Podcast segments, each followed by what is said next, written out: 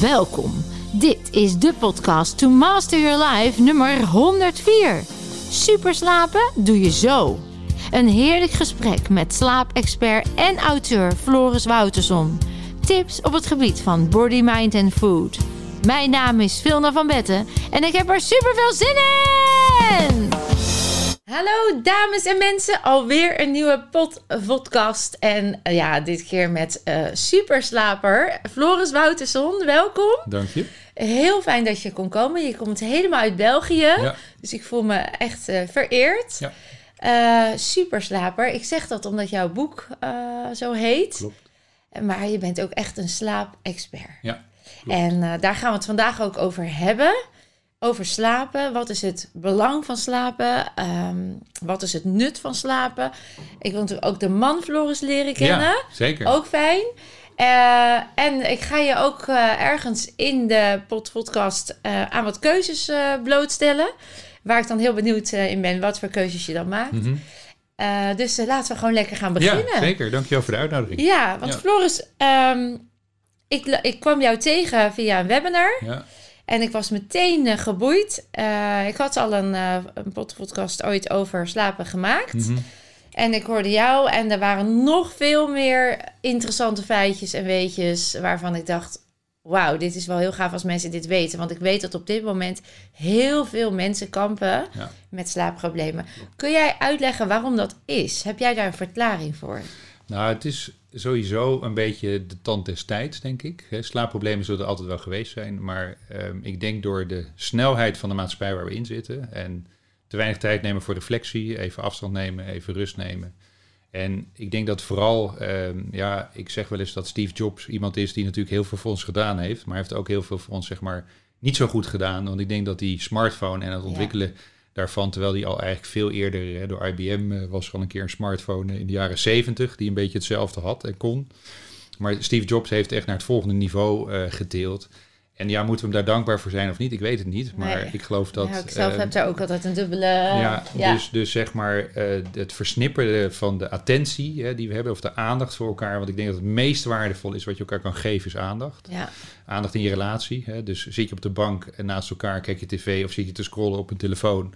Of heb je een leuk gesprek? Ja. I don't know. Hè. Dat is een keuze die je kunt maken. Maar... Ik denk dat tegenwoordig veel mensen zich vluchten in de, in de telefoon. Omdat ze moe Ja. thuiskomen. En dan is dat een welkome afleiding. Even geen prikkels meer. Ja, maar het zijn juist heel veel prikkels. I know, maar dat Ja. voelt, hè, net als wat mensen zeggen, ja, als ik een sigaret neem, dan voelt het ontspanning. Ja, klopt. Ik denk dat heel veel mensen juist vluchten dan hè, zien als een stukje ontspanning. Absoluut. Het in de vlammen staren van vroeger verplaatst zich naar... Ja, maar dat is gewoon in feite, vind ik, een, een, een, een verarming. Ja. Hè? Het is eigenlijk iets wat je weggeeft, wat je eigenlijk hebt, eh, wat, ik vind, wat ik heel erg zonde vind als zodanig. En wat ik denk ook een hele belangrijke is, en dat heeft ook te maken met al die social media, en dan eh, echt in de breedste zin van het woord, is dat heel veel mensen eh, hun achterkant vergelijken met de voorkant van een ander. Dus je ziet alleen maar dat perfecte plaatje. Ja, En, eh, Facebook noem ik het. ja, maar dat is echt, eh, I don't give a shit om your Instagram. Hè? Ja. Dat is in feite de mindset die je wat mij betreft zou moeten hebben. Hebben.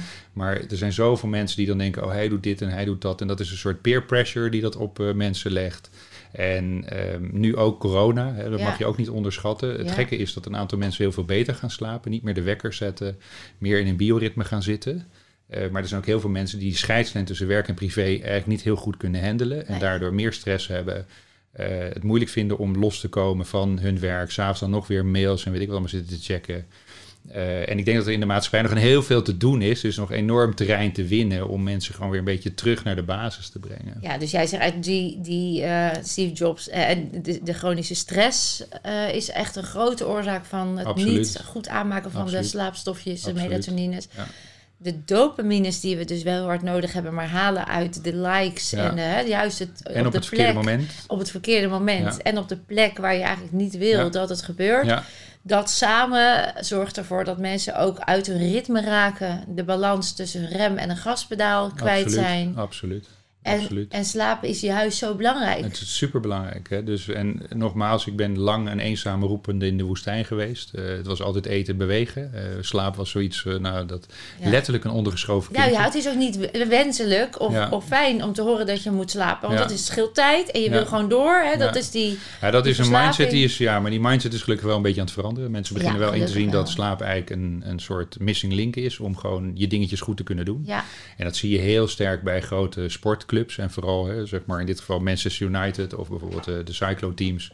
Eh, ehm, dus, dus het Jumbo-Visma en dergelijke, die hebben gewoon mensen erbij gehaald om gewoon dat slaap nog prominenter op de, op de landkaart juist te zetten. omdat ze dan beter gaan presteren. Ja, absoluut. hè? Het herstel is de verschilmaker. Hè? Dus Ja. Mathieu Heijboer, dat is de head performance van het Jumbo-Visma-team. Eh, deze man zegt gewoon, en ik heb af en toe contact met hem, dat herstel gewoon de verschilmaker is. Ja. En op het moment dat zij, ze hebben ook een soort slaapprotocol, op het moment dat ze van een belangrijke etappe in de bus terug naar het hotel rijden, beginnen ze al met autogene training. Dat zit in het slaapprotocol. Ja, om gewoon die, al die hormonen die zeg maar hè, je opzwepen, dus dopamine, endorfine, eh, adrenaline, noem het, dat moet gewoon Ja. omlaag. Ja, Want anders hebben ze s'avonds gewoon moeite om in slaap te komen. ja, ja. En hij zegt als we dat, hè, als we daaraan tweaken, voeding speelt natuurlijk ook een hele belangrijke rol. Eh, dus zeker dat niet even. En te beweging ook. Ja, hè? Dat is niet als je Het wegschuift. nee, het, is, niet de mix. Nee, maar slaap is de moeder Ja. en de pijlers zijn eten en bewegen. Maar ook nog twee andere hele belangrijke elementen is ademhaling en licht. Hè. Licht wordt ook totaal onderschat. Vitamine D en het echt naar buiten, het buitenlicht. eh, Absoluut. Het is zo ontzettend zonlicht. belangrijk. Ja, en je bioritme wordt geëikt door licht. licht, En we zitten veel te veel binnen, nu door corona nog meer. meer vreselijk. Ja, en eh, daardoor gaat, die, gaat dat bioritme uit de pas lopen, waardoor ook weer slapen moeilijker wordt. Hè. Dus je kunt er heel veel dingen aan doen hoor. Ja. Dus het is, het is best wel maakbaar. Dat vind ik ook soms een beetje eng aan deze maatschappij. Alles moet maakbaar Ja, zijn. ja. Maar dit is wel maakbaar. hè. Nou, is het niet dat we gewoon dan eh, de maakbaarheid, we hebben het al, we zijn het verloren. Je zou kunnen zeggen, we hoeven het niet te maken, want als we gaan luisteren naar ons bioritme, als we weer terug gaan naar binnen, als we weer voelen wat we nodig Ja. hebben, dan hoef je het niet te maken, want dan is het er al. het is er ook. Het zit er allemaal in ons. hè. Alleen nu voelt het Ja. alsof je het moet creëren, Ja, omdat we het klopt. niet meer doen. Dat is, dat is. en, en Dat is heel mooi gezegd trouwens. En dank je. Ja. Ja, want Floris, hoe... Ik ben dan wel benieuwd. Ben je altijd al een, ja, bezig geweest met slapen? Nee, of kwam dat, niet. Hoe kwam het bij jou? eh? Nou, het is, het is een beetje een samenloop van omstandigheden, maar eh, gek genoeg, ik ben bankier geweest, lang. En ik kwam op een gegeven moment achter dat dat niet echt mijn wereld was. En hoe kom je erachter dat je s'morgens gewoon niet je bed uit wil, eh, een beetje de passie en de vreugde mist. En op het moment dat je niet meer met plezier je bed uitkomt, dan eh, kan het zijn dat je misschien, eh, weet ik wat, een beetje depressief bent of dat soort dingetjes allemaal meer. Of een burn-out. Of, of je doel een beetje kwijt bent. Precies, of- dat soort. Dus je gaat er op een gegeven moment over nadenken. Nou, ik sliep dus ook niet meer goed. En ik denk bij mezelf, nou, ik dacht altijd dat ik de financiële wereld leuk vond. Maar ik kwam er eigenlijk achter dat het gewoon niet echt mijn wereld was. Ehm, en eh, ik heb daar alles zeg maar, voor gedaan in die zin. Ik heb het ook lang gedaan. En er zaten ook een heleboel hele leuke elementen aan, zo is het zeker niet. Maar ik dacht bij mezelf, weet je, ik druk op een knop en ik schuif eh, met de waarde van een huis geld heen en weer en er blijft wat plakken of niet. En die klant is blij of hij is niet blij. Maar ik vroeg mezelf af, wat ben je nou eigenlijk de hele dag aan ja, het doen? wat- Weet je? Wat is nou de zin van Ja. mijn bestaan? Is dit dan waar ik voor geboren ben? The whatever. Dus ik had echt zoiets van... met een soort zin- Precies, precies. Maar toen wist ik eigenlijk ook niet wat de andere kant was. Dus ik, was ook, ik had wel ideeën. Ik heb, ik heb altijd genoeg ideeën. En mijn echtgenote die eh, heeft de Meubelfachhochschule in Keulen gedaan. Ze is ook al in Duitsland opgegroeid. En eh, ze zei, als ik ooit iets met eh, de meubelsector ga doen, ga ik iets met slapen doen. Ik denk, nou, het zal wel. Dus eh, dan is zij ergens En beginnen... dan bedoelen we het over bedden. Bedden in dit geval, maar gewoon ook in de breedste zin van het woord. Oh. Ehm, en toen heeft ze begin 2000 is ze begonnen met één winkel in dat geval. Dat zijn nu slaapadviescentra geworden. Omdat we daar veel breder en veel holistischer werken, zeg maar.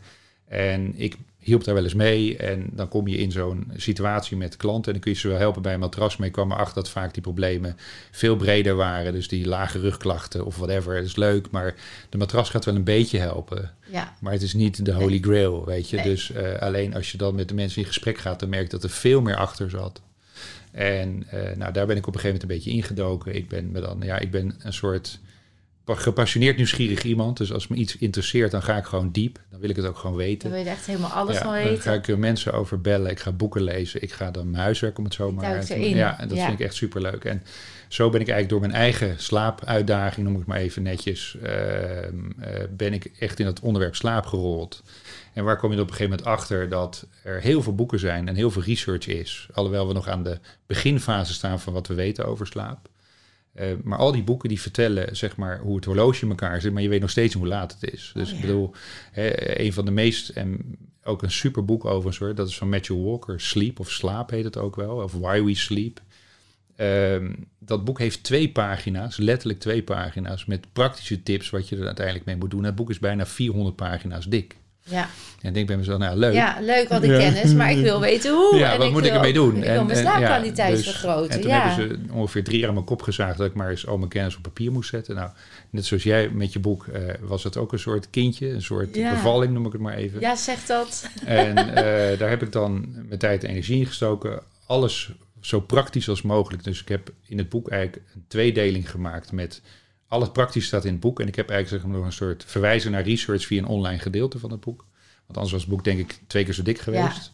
Ja, ja. En ik zeg al die, zoveel kennis te Juist, delen. precies. En al die, die wetenschap er gewoon uit. Niet dat die er niet is, want het is allemaal wetenschappelijk onderbouwd. Eh, waarbij je natuurlijk ook altijd daar dat een beetje moet relativeren wat mij Precies, betreft. ja. Maar het is wel belangrijk dat je gewoon aangeeft dat het niet ergens uit de lucht eh, gegrepen is. Er moet wel ergens een aanleiding zijn, vind ik, voor iets waarom je iets vindt of niet vindt. ja. Ehm, en ehm, ja, dat is heel goed uitgepakt. Dus dat boek is inmiddels ook eh, inderdaad een, een bestseller.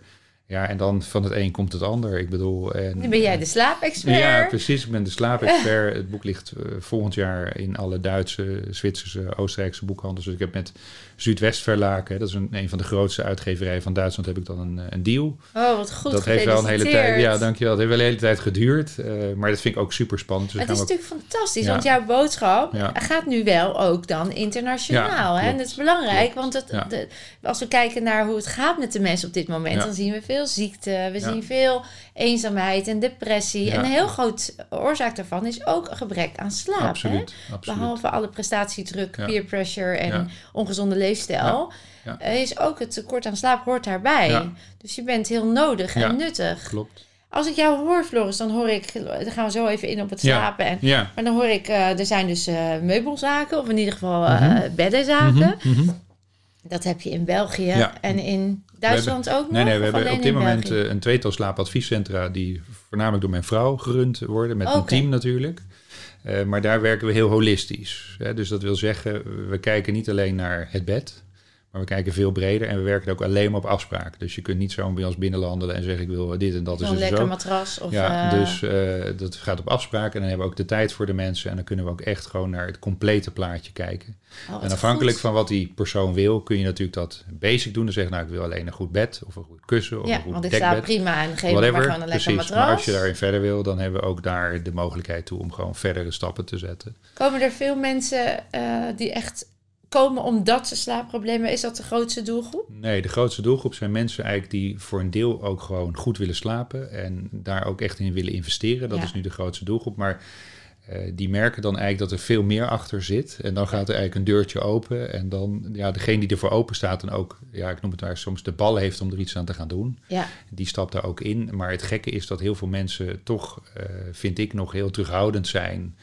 Hè, de gemiddelde persoon met een slaapprobleem loopt er drie jaar mee rond voordat hij een keer professionele hulp erbij haalt. ja, ja. En dat is Maar- dan nog eerst van alles zelf? Of nou ja, wat? dat ook, maar ook, ik denk, een stukje angst. Schaamte. Een, eh, ja, ja, schaamte zou angst. ook kunnen, maar angst speelt denk ik ook een belangrijke rol. Of het gewoon, ik noem dat aangeleerde hulpeloosheid, dat is Ja. natuurlijk van Seligman, Ja, van de positieve psychologie. Ja. eh, dat eh, we gewoon maar het for granted nemen en denken het is gewoon zo. ja. Terwijl er nog zoveel te winnen is. En te Eh, doen en te ja, en ja. ook niet, het is geen rocket science hè, wat wij doen. Hè? Nee. Dus het is, ik, ik wil helemaal niet pretenderen dat wij een, een of andere geheime formule hebben of zo. Dat is wel leuk om te roepen. ja. Maar, en er zijn natuurlijk wat tips en tricks die we aanreiken die wat minder voor de hand liggend zijn en misschien wat onorthodox zijn soms bij mensen. Of onorthodox overkomen. Zoals, noem eens eentje. Nou, gewoon één is naar ademhaling toe. Heel veel mensen hebben last van dat ze veel te hoog. Hè? En er is een Engelse dame geweest, die heeft het ook wel e-mailapneu genoemd. Ja, We zitten allemaal zo. zo, letterlijk. En we zitten heel hoog in die borsten te ademen. Nou, ademhaling en zeg maar de zuurtegraad van je bloed wordt daar Ja. heel sterk door beïnvloed. Je stikstoftoxide is heel erg belangrijk door de neusademhaling, maar ook s'nachts. Allerlei problemen met apneu en snurken Ja, hangen ook weer met ademhaling samen. Ehm, en dan wat ik wel eens wil doen bij mensen die... eh, ik zie al in gesprekken dat ze gewoon eigenlijk voortdurend door hun mond ademen en niet door hun neus. ja, Hebben s'nachts dorst, hebben een fles water naast hun bed staan. Nou, dat is allemaal niet zo heel erg handig, ook naar neuroassociaties toe. En wat ik dan mensen adviseer om overdag, als ze nu thuis werken en niemand zit te kijken, om hun mond dicht te tapen. Ja, echt letterlijk s'nachts. Nee, eerst overdag. Oh, overdag. Om, het- om, om, die gewenning te krijgen, want sommige mensen vinden het best wel eng om dat s'nachts te doen. Eh, maar je slaap verbetert gewoon overnight. Hè? Ja. Dus eh, alleen omdat je ademhaling verbetert eh, en dat soort dingetjes meer.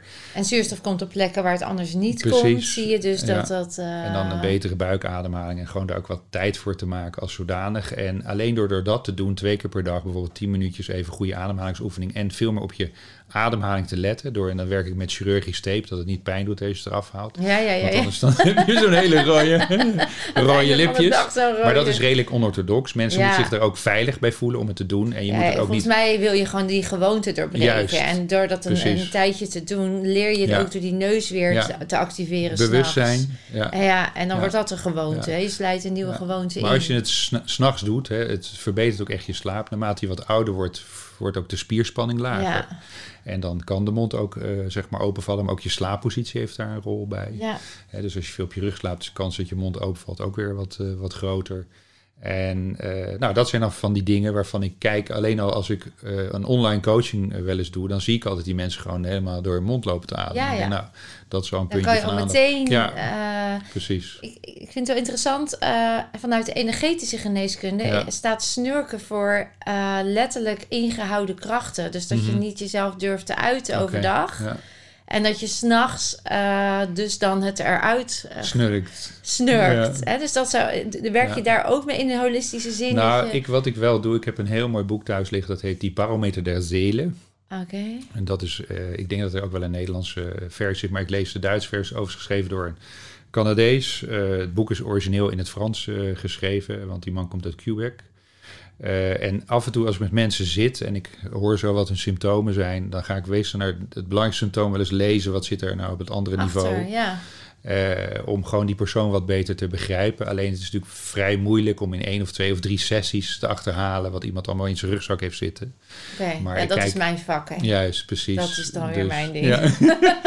nou goed, ik zou het Ja. wel willen, hè, maar vaak is ook de tijd tekort. Ja, of En- mensen staan het nog niet toe, want ze komen voor iets heel anders. En bij mij weten ze dat we dat gaan doen. Maar bij jou is het Ja. natuurlijk komt voor een slaapadvies. En, Daarom, eh, en ik heb ook heel wat bedrijven waar ik zeg maar personeel begeleid bij onregelmatige werktijden of algemeen in de zorg bijvoorbeeld, of bij andere bedrijven die salades moeten inpakken of weet ik wat allemaal meer. En dan krijg je een soort mandaat vanuit het bedrijf en dan heb je natuurlijk ook met de bedrijfsarts te maken en daar zitten ook wel wat grenzen aan hè, waar je wel naartoe Ja. mag en waar je gewoon netjes binnen de lijntjes moet lopen. Ja, ja, ja. Ehm, want je wil ook geen onrust stoken, noem ik het maar even. Nee. Ehm, eh, maar het krie- kriebelt af en toe wel om die mensen af en toe gewoon hier of daar even een setje te geven, een prikje uit te delen. Ja, ja, omdat je ook wel Ehm, dingen gaat herkennen ja. natuurlijk. En Ja. eh, je zou ze er ook weer verder mee Klopt, kunnen krijgen. klopt. Ja, maar ik heb zelf ook een jaar of 10, 12 heb ik ook aan dit soort dingen waar jij heel erg mee bezig bent bij mezelf aangewerkt. Eh, en ik denk dat dat een van de beste investeringen is die je überhaupt kunt doen. Ja. Eh, mensen gaan allerlei skills ontwikkelen, beter leren verkopen en beter le- leren, weet ik wat, online marketing doen, ik noem maar wat. Maar ga gewoon eens in je relatie investeren, ga eens in Het jezelf is investeren. rijkdom, zeg ik altijd. Ja, en ga gewoon Ja. die hoofdschakelaars omleggen. En wat zijn je blokkades? Waar loop je vast? En we hadden net in het voorgesprekje al even een klein beetje over. Op het moment dat die hoofdschakeling niet omligt, Ja, kan ik je nog honderd tips geven. Dat gaat het toch niet worden. Na drie, vier weken loop je toch weer ergens vast. En het is veel belangrijk om die patronen te herkennen en te zien hoe kan ik die doorbreken. ja. En dat lukt jezelf niet. In mijn hoofdstuk 1 van mijn boek, dan weliswaar heb ik het ook over mindset, over de slaapblauwdruk noem ik hem zelf. Ja. En dan de, de blinde vlek of de dode hoek. En wat je heel duidelijk ziet is dat een, jij zelf ziet het niet, want anders had je het al opgelost. juist. En een buitenstaander kan dat wel zien. Ja, Een spiegel. maar, juist, even. maar vaak is dat heel onaangenaam. Hè, want Nou, jij, Weerstand is groeien. Ja. Dus dat vind ik wel fijn dat je dat Ja. zegt. Het is onaangenaam omdat je... Ik zeg, als ik het vergelijk vanuit waar ik vandaan kom... ja, Je hebt gewoon een heel bewustzijn, een ziel, eh, een mens zijn. En ergens in along the way zijn er dingen afgeknabbeld, weggeduwd, uh, miskend. En heb je daar een muur op gebouwd, Ja. een bescherming. Dus op het moment dat jij in het nu geconfronteerd wordt met jezelf, Mhm. dan heb je daar jarenlang die muur voor neergezet. Dus als je nu daar weer daar naartoe wil, Ja. dan denk je, ja, dag. Dat is onbewust. I don't even, don't even go Ja, there. Ik ja. verzin wel honderd excuses. Ik manipuleer de hele boel. Ik vertel wel waarom het allemaal niet waar is. Maar dat is niet omdat je het niet wil. Nee.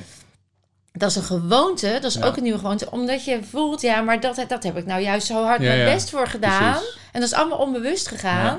Om daar niet te komen. Terwijl wat ik merk eh, in de sessies die wij doen... is dat als je het moment dat je die hoofdschakelaar omzet... Ja, dan zeggen mensen, het was eigenlijk helemaal niet eng. nee. En het is onwijs bevrijdend. Ja. En ik voel me nu echt, wauw, ik kan nu gewoon weer zijn. Mhm.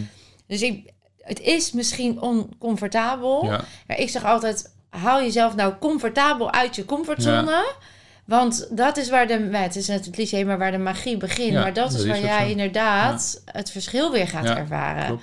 Terwijl waar je bang voor bent, is slechts een concept van een idee. Ja, dat klopt. En niet de waarheid. Maar dat is het mooie als mensen daarvoor openstaan. Dan Ja. kun je ook zoveel sneller stappen maken. ja, die gaan wel. Nou, dan, dan- nog, hè? Zie Ja, je... maar het beklijft dan ook veel meer. En het is, ik zie het altijd als een soort deur die open gaat. Op, hè, en op het moment dat je dan de sessie weer gehad hebt, dan gaat de deur weer dicht. Ja, Maar de tweede keer gaat die open en blijft op een kiertje staan. En de derde keer gaat die weer wat open weer. En op een gegeven moment heb je die deur eigenlijk open. ja, En eh, voor mensen voelt het vaak dat je aan hun stoelpoot een eigen beeld gaat, zullen dat lopen is het. Ze identificeren zich met dat stuk. Precies. Ja, En dat is eh super boeiend om te zien. ja vind ik ook. Die die daar inderdaad in een proces al verder zijn, die kun je daar enorm goed bij helpen en ondersteunen. En dan heb je ook veel meer, ehm, ja, dat is een beetje De mijn. beweging is dan Ja, sneller. beweging, maar je hebt ook veel meer voldoening van wat je doet. Ja, Want er dat gewoon het wat. verschil zoveel groter Ja, is. precies. Een kwartje erin stoppen, net als op de Ja. kermis. En dan met zo'n grijper hopelijk zo'n plusje Ja. beest pakken. En toch net niet pakken. Ja. Het is veel leuker dat je dat plusje beest hebt en in die bak kan gooien. Dat je die mensen echt stappen ziet. maken. Ja, ja, dat is het. Ja. Nou, en de, de spiegel kan dan dus juist inderdaad, wat jij zegt, een, eh, een manier zijn om de mensen. Nou, te confronteren is dan ook niet het goede woord, maar wel, nou ja, wel te confronteren, maar wel liefdevol te zeggen, joh, dit is veilig nu, het is Ja, niet meer toen, kom maar. En Klopt. dat, daar, dat zeg jij, dat is eigenlijk ook iets waar jullie zien dat dat soms, hè, die hoofdschakelaar, dat dat juist nog wel eens te Ja, dus- ja. Maar daar, daar is in mijn beleving, dus jij doet zeg maar op dat punt denk ik heel goed werk. ja, Maar de meeste mensen vinden dat eng, weet je. nog spannend. Ja, en die, die hebben daar angst voor. En de kleinste groep, die heeft zeg maar, ik zeg het even plat door de ballen om gewoon die stappen te zetten. En met jezelf de confrontatie aan te gaan. Want dat is wat je in feite doet. Nou ja, het heeft volgens mij twee redenen. Eén, we zijn gewend om korte termijn te denken en vast te houden aan de patronen die we hebben. Klopt. En de andere is dat we ook niet, en in dat korte termijn denken, dus ook niet zelfbewust. Waar ik staan over vijf jaar of Ja. over tien jaar? We zien het in de politiek ook, weet je wat? Allemaal Ja. vier jaar beleid en Allemaal korte allemaal termijn. korte termijn. Dat is natuurlijk ook de instant dopamine. Dat is natuurlijk ook makkelijk. Ja, En anderzijds, eh, dus dat zelfbewustzijn is er ook niet. Mhm. Ehm, worden ook niet meer opgevoed. We zien ook dat mensen, eh, als je dat ze voorlegt, denken, joh, het gaat ook wel goed zo. ja, Dus die Maslow-pyramide, hè, van nou ja, ik, ik, ik verdien mijn geld en het is allemaal wel oké. en is, mijn tijd dient zich wel uit, ik zie het Mhm, wel. mhm. Maar anderzijds ook omdat er een soort idee is, en, eh, en ik weet niet of jij dat ook herkent, dat het of heel moeilijk, of dat er een beerput open gaat, of Mhm. dat je eh, dat er oh, al de shit van het verleden. Terwijl als we nou ons realiseren dat alles slechts een programma is, Ja. een patroon, Ja. wat je niet hoeft te herbeleven Nee, om het klopt. op te ruimen. Ja. Dat zou zo fijn zijn als dat meer naar buiten. Want er he- als ik kijk naar de psychologische Mhm. geschiedenis. Freud, de, de prachtige doorbraken, maar wel psychoanalytisch. Dus alles herhalen naar boven, graven, graven, graven. Voor die tijd baanbrekend, want we mochten al gaan praten, we konden al gaan naar binnen enzovoort. Maar nu zijn we natuurlijk zoveel wetenschap verder, zoveel kennis verder, zoveel ervaringen verder. Je hoeft helemaal niet te graven. Nee. Je hoeft alleen maar te weten, er ligt ergens een trigger. Ja, Daar heb je iets gedaan wat Klopt. nodig was om je toen Ja. te beschermen. ja, We laten de energie daar weer stromen. We laten de emotie verwerken. Ja. En je bent vrij. Wat, wat ik herken is heel goed, wat jij nu ook zegt. Mensen hebben het idee inderdaad dat er allerlei shit naar boven Ja, gehaald de wordt. beerput. Maar mijn beleving is veel meer, het waarom interesseert me eigenlijk niet zozeer. Exact. We weten gewoon dat het zo is. Ja. En jij hebt de mogelijkheid om je eigen geschiedenis nieuw te schrijven. Dat is een. Hè, je eigen Ja, story op een andere manier vorm te geven. En dat gewoon op een gegeven moment los te laten of achter je te laten. Maar het is heel mooi in de, ehm, in de therapies die ik zeg maar gevolgd heb zelf. Sommige mensen die duiken zo lang onder hè, dat het oorlog is. En dan Ja. 30 jaar later komen ze weer boven en dan is het weer oorlog. Ja, In die 30 jaar daartussen is er eigenlijk niks gebeurd. En dan zeggen ze, zie je wel, het is nog steeds oorlog. Ja. Hè, eh, ja. Daarom, en dat is eh, iets waarvan ik denk, dat is gewoon doodzonde. Ja. En je ziet zoveel potentieel soms bij mensen ook. Ze hoeven alleen maar even, ja, wat ik al Ja, noem, die, ho- hoofdschakelaar ja, over te leggen. mooie metafoor. En ehm, eh, alleen ze durven er niet aan. En dat is denk ik ook de algemene perceptie of de algemene zienswijze van mensen. Ja. Dat eh, we gaan graven en allerlei shit uit het verleden. Eh, eh, Ja. dat is denk ik het beeld wat er een beetje bij zit. Nog maar eerst, ja. het kan soms wel een, een rol spelen, maar het gaat veel meer om. Het waarom is onbelangrijk wat mij betreft. Het gaat Ja. meer wat kunnen we er nu in het hier en nu aan doen. Dat je naar de toekomst toe daar Ja. gewoon niet meer door in de weg staat. Hè? Omdat het celgeheugen en je celstructuur ook helemaal geen tijdsgeest heeft. Dus het, het, het, je het representeert het in het nu. Ja. Terwijl het toen is er, eh, neergelegd als neurochemisch patroon, als celgeheugen, als energie. Ja. Eh, dus het enige wat je hoeft te doen is eh, gewoon dat daar anders neer de trilling Ja. te verhogen, zeg ik altijd, Ja. in, vanuit de energetische Ja. geneeskunde, het neurochemische patroon te, anders neer te leggen. En je hebt een nieuwe werkelijkheid, alsof Klopt. het altijd al zo is geweest. Ja, klopt. Het lichaam gaat zelfs mee veranderen. Alles verandert mee op het moment dat jij dat durft te resetten. maar ik vind het, eh, het is leuk en ik zie wel een positieve eh, verandering. Ik zie dat mensen meer durven, meer het normale gaan vinden om naar een coach of een, een hulpverlener te gaan in die zin. Ja. Je hebt dus, eh, nou ja, beddenzaak of een, een, een, een adviesslaap, adviescentra. Ehm, je geeft lezingen, je schrijft boeken, je hebt een, een druk, nou ja, ge- gevuld bestaan. Absoluut. Dus jij hebt ook te maken met waar we allemaal thuis mee te maken hebben. eh, hectiek, Ja. gaan, gaan, gaan. Klopt. Die sympathicus die gaat aan, Ja, dat gaspedaal. ja.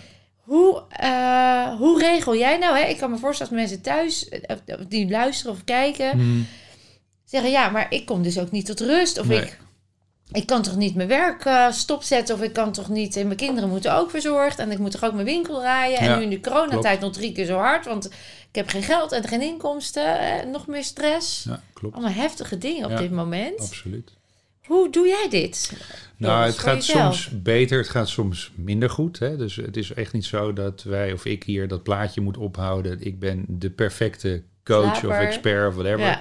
Eh, bij mij is het ook een golfbeweging en dat is ook normaal. En ook gewoon te accepteren dat dat zo is. Eh, ik geef maar even een simpel voorbeeld. We hebben een aantal medewerkers en een van die personen wordt ziek. Ja, Nou, dus dat werk blijft Ja. liggen. dat moet door. Ja. Ja, maar die betalingen moeten gedaan worden. Ja. En eh, weet ik veel wat, die facturen moeten gecontroleerd worden. Of weet ik noem maar even wat van dat soort eh, dingen. Of die ordebevestiging, of weet ik wat het allemaal wezen mogen. Of de boekingen moeten eh, geregistreerd worden. Maar die persoon ligt in bed of thuis of whatever.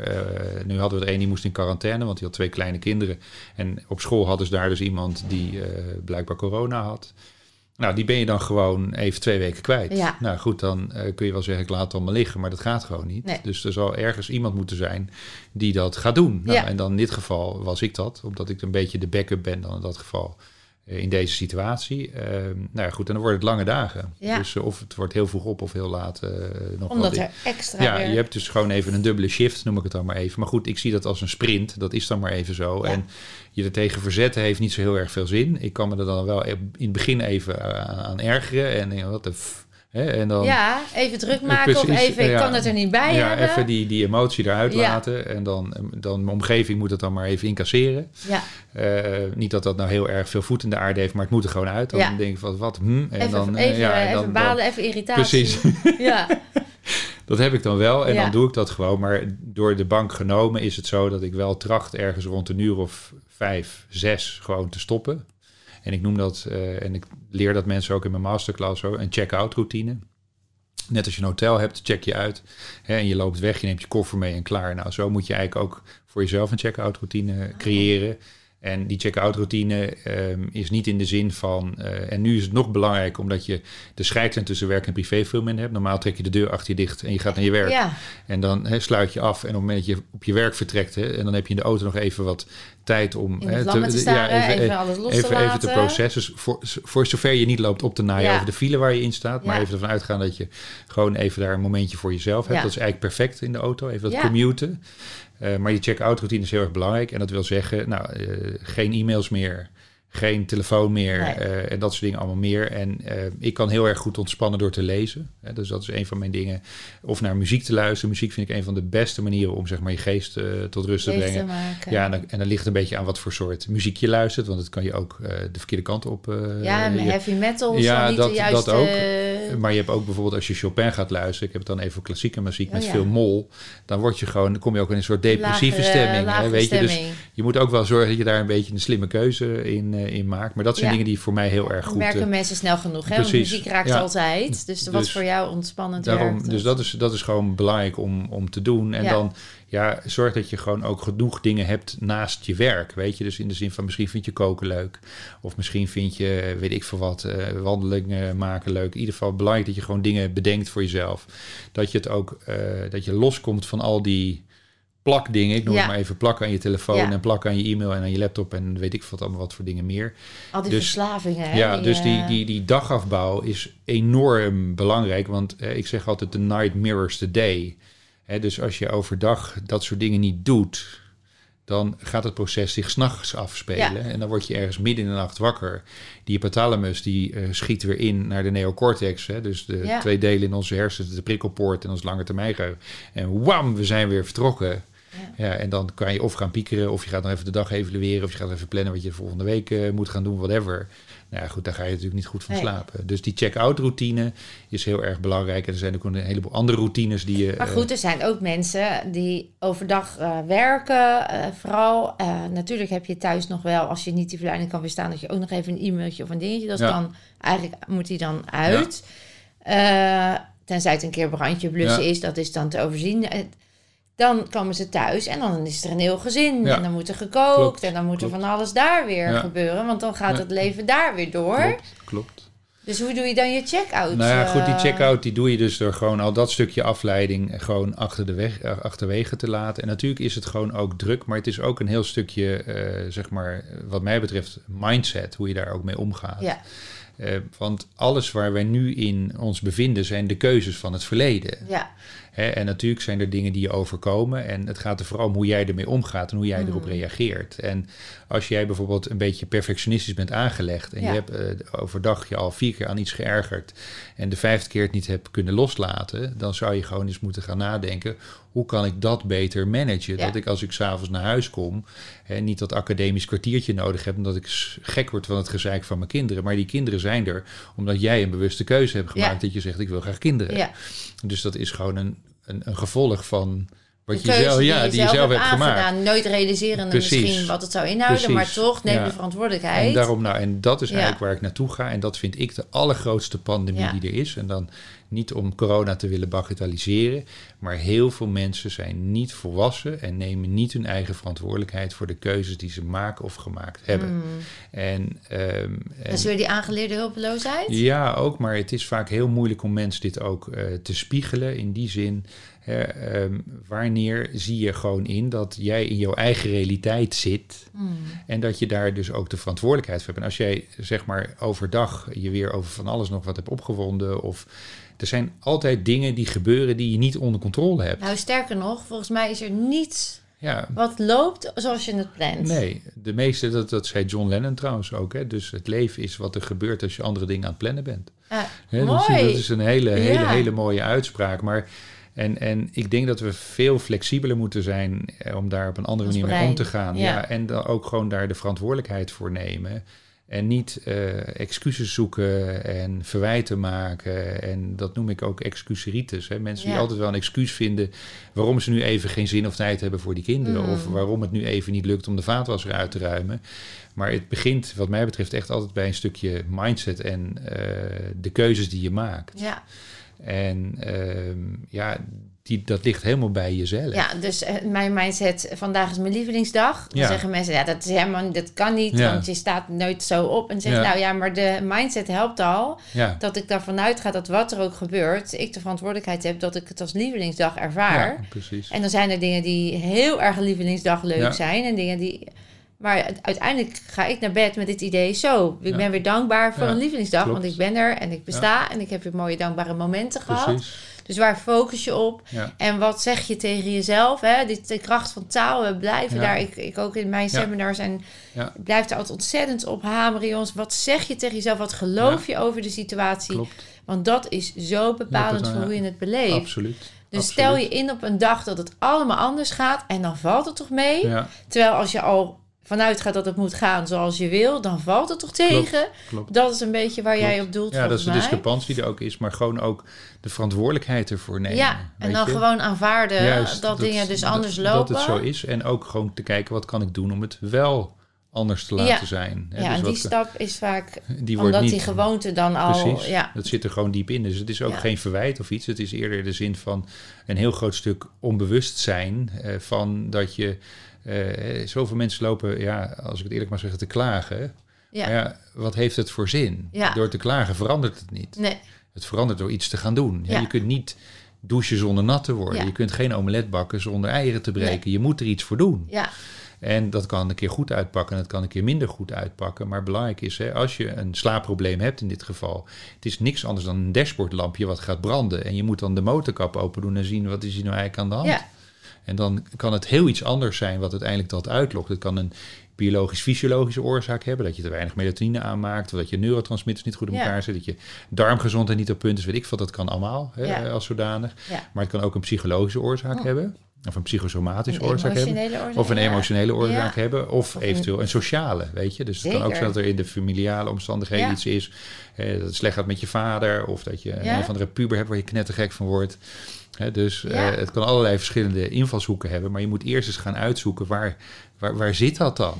Weet je? Ja. Dus je huiswerk maken daarvoor. Nou, en ja, eh, interessant, want laten we even naar de slaapproblemen kijken. ja, Ehm, er zijn dus heel veel mensen die. Er, er zullen allerlei andere oorzaken kunnen zijn. Mhm. Toch zouden we naar een situatie willen, en ik geloof dat dat kan, dat je ondanks wat er ook speelt, jij je slaapkwaliteit kan bevorderen. absoluut. Wat zou jij nu als, eh, heb jij zeg maar een top drie waarvan je zegt, nou, als ik dat mensen meegeef, dan zien we al heel vaak en heel snel Ja. Dat er iets leuks, positiefs verandert. Nou, dus, de, eh, eh, het is denk ik wel een top 10. Oké, In die nou, zin- noem ze alle tien. Leuk. Hoe meer, hoe beter. Maar wat ik ermee wil zeggen, het is een gelaagd proces. Ja, dat weet je? ik. Dus ehm, het is nooit één dingetje. En daarom vind ik bijvoorbeeld die, eh, die eh, man die het cyclo-team, zeg maar, in hè, Dave eh, Bradley eh, van, van Engeland managt, die is begonnen in 2003. En in dit geval was het zo dat het Engelse cyclo-team had geen enkele Tour de France gewonnen in 100 jaar. En ze hadden maar één eh, gouden medaille in 1908 op het baanwielrennen gehaald. En tot die tijd hadden de Engelsen eigenlijk niks gepresteerd. En deze man is begonnen met heel veel kleine dingetjes. Hè. De, de 1%-regel, dus hij is bepaalde alcohol op de banden gaan smeren. Hij heeft de fiets op een speciale manier getransporteerd. Hij is de spelers in een soort thermopyjama's gaan stoppen... waardoor het spierherstel sneller ging.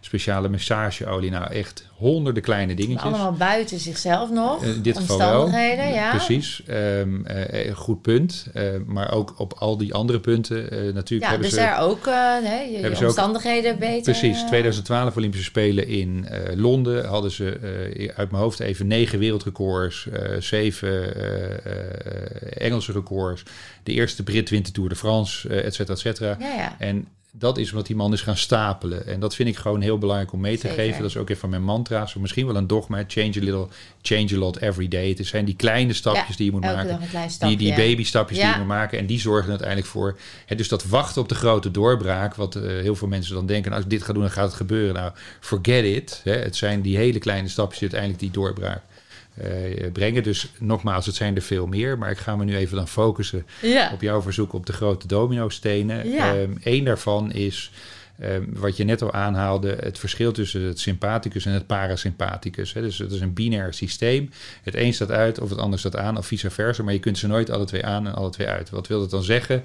Het een is de ontspanning hè, en zeg maar het rusten en uh, jezelf. Uh, parasympathicus. Precies. Ja. En het andere is zeg maar het actieve waar we nu in zitten. Mm -hmm. um, heel veel mensen geven, nemen niet voldoende effectieve rust. Hè. Dus de night mirrors the day, heb ik al een keer gezegd. En zorgt bijvoorbeeld voor dat je twee keer per dag minimaal 10 à 15 minuten effectieve rust pakt. En let op het woordje effectief. Ja. Want wat is dan effectief Precies. rust? Hè? En dat is dus niet scroll op je timeline. Geen dat sigaretje roken. Geen sigaretje roken. dat is niet gaan wandelen en telefoneren. Dat is niet uh, dat soort dingen. Al meer effectieve rust is echt je brein even unpluggen. Gewoon wolkjes kijken, de natuur in, Staren. naar buiten staren. Gewoon niks. No Geen input. Niks. En dan kun je dat eventueel nog hè, naar het volgende niveau brengen met een ademhalingsoefening, uh, een, een, een, progressieve spierontspanning, weet Is ik dat veel. dan wel, want uh, dat is wat ik mensen ook wel zeggen, echt rust, staren enzovoort. Uh, zou bijvoorbeeld een wandeling in de natuur, is dat genoeg Ja. uit? Ja. Want dan hebben we ook prikkels. Ja, maar dat is, de natuur is helend. Ja, klopt. We zijn een De onderdeel van. is, eh, ja. Super belangrijk. En luister naar die vogeltjes. Dus 10 minuten even buiten Ja, wandelen is precies. al Kijk een, naar dat een mooi uitzicht. eh, rustmoment. Ja, absoluut. 10, Super- mo- 10 minuten met eh binaural beats op, is dat ook een... nee, nee. Een- Geen, gewoon dat brein, wat mij betreft, gewoon een unplug. Dus Ja, geen, maar binaural beats, daar ben je, ben je mee weet ik wel, ja, ik ben ermee bekend. Maar het is in ieder geval, het is... Je het wil helemaal geen input nee, in niks. het brein Die, die hypothalamus, die moet gewoon helemaal rust. even rust. helemaal En- low. Een, een, een timeline is een flipperkast voor je hersenen, weet je. Dus, en al die neurotransmitters, die worden door elkaar gehusseld. Hmm. Er komen de verkeerde hormonen vrij. Dus die hele apotheek in je hersenen, die gaat gewoon eh, dingen doen. Die, kant op, ja, ja. die, die gewoon niet Ja. moet doen. Dus effectieve rust, hè, je kunt het Ook ook... een hazenslaapje dan. Nou, haastslaapje zou je eventueel ook kunnen doen. Eh, is ook een vorm van hele goede ontspanning voor zover je geen slaapproblemen hebt of uitdagingen met slaap, want dan werkt het averechts. Oh ja? Dus dat is zeker niet. eh, dus we gaan niet bevelen. 10 minuten, twee keer 10 minuten even de wekker sla Dat slaan, kan, dat kun je eh, doen als je geen uitdaging met slaap hebt. Ah, dus is dan is het wel heel goed om ja, te doen. dan kun je het zeker doen. En zeker in de topsport ook wordt het heel veel ingezet. Je kunt een korte nap doen, je kunt een half cycle doen, je kunt een full cycle doen. Dus je kunt verschillende soorten van nap, eh, naps doen als zodanig. Maar dat, dat, kun je, dat kun je ook doen. Maar het gaat er nu gewoon even Ja. om echt die 10 unplug. minuten, 15 minuten. En sommige mensen, uit. ja, die maken het niet. Hè, die nemen te veel rust. Dat werkt ook averechts. Ja, dan, dan, dan een half uur is weer te Nou, lang. gewoon de hele dag gaan bank hangen. Oh ja, Hè, dus dat is lekker. Ja, dat weet ik wel. Maar ze hebben dan de hele week zich helemaal de pleuris gewerkt, noem ik het maar even. Ja. Ze zijn zo moe als het maar zijn kan. Ja. En dan gaan ze de hele zondag Netflixen en weet ik wat allemaal. Dat is weer het andere uit. Dus dat is ook geen effectieve rust. Want het lichaam heeft beweging nodig. En dan bouw je slaapdruk op en dat soort dingetjes allemaal Hmm. meer. En dat is echt belangrijk.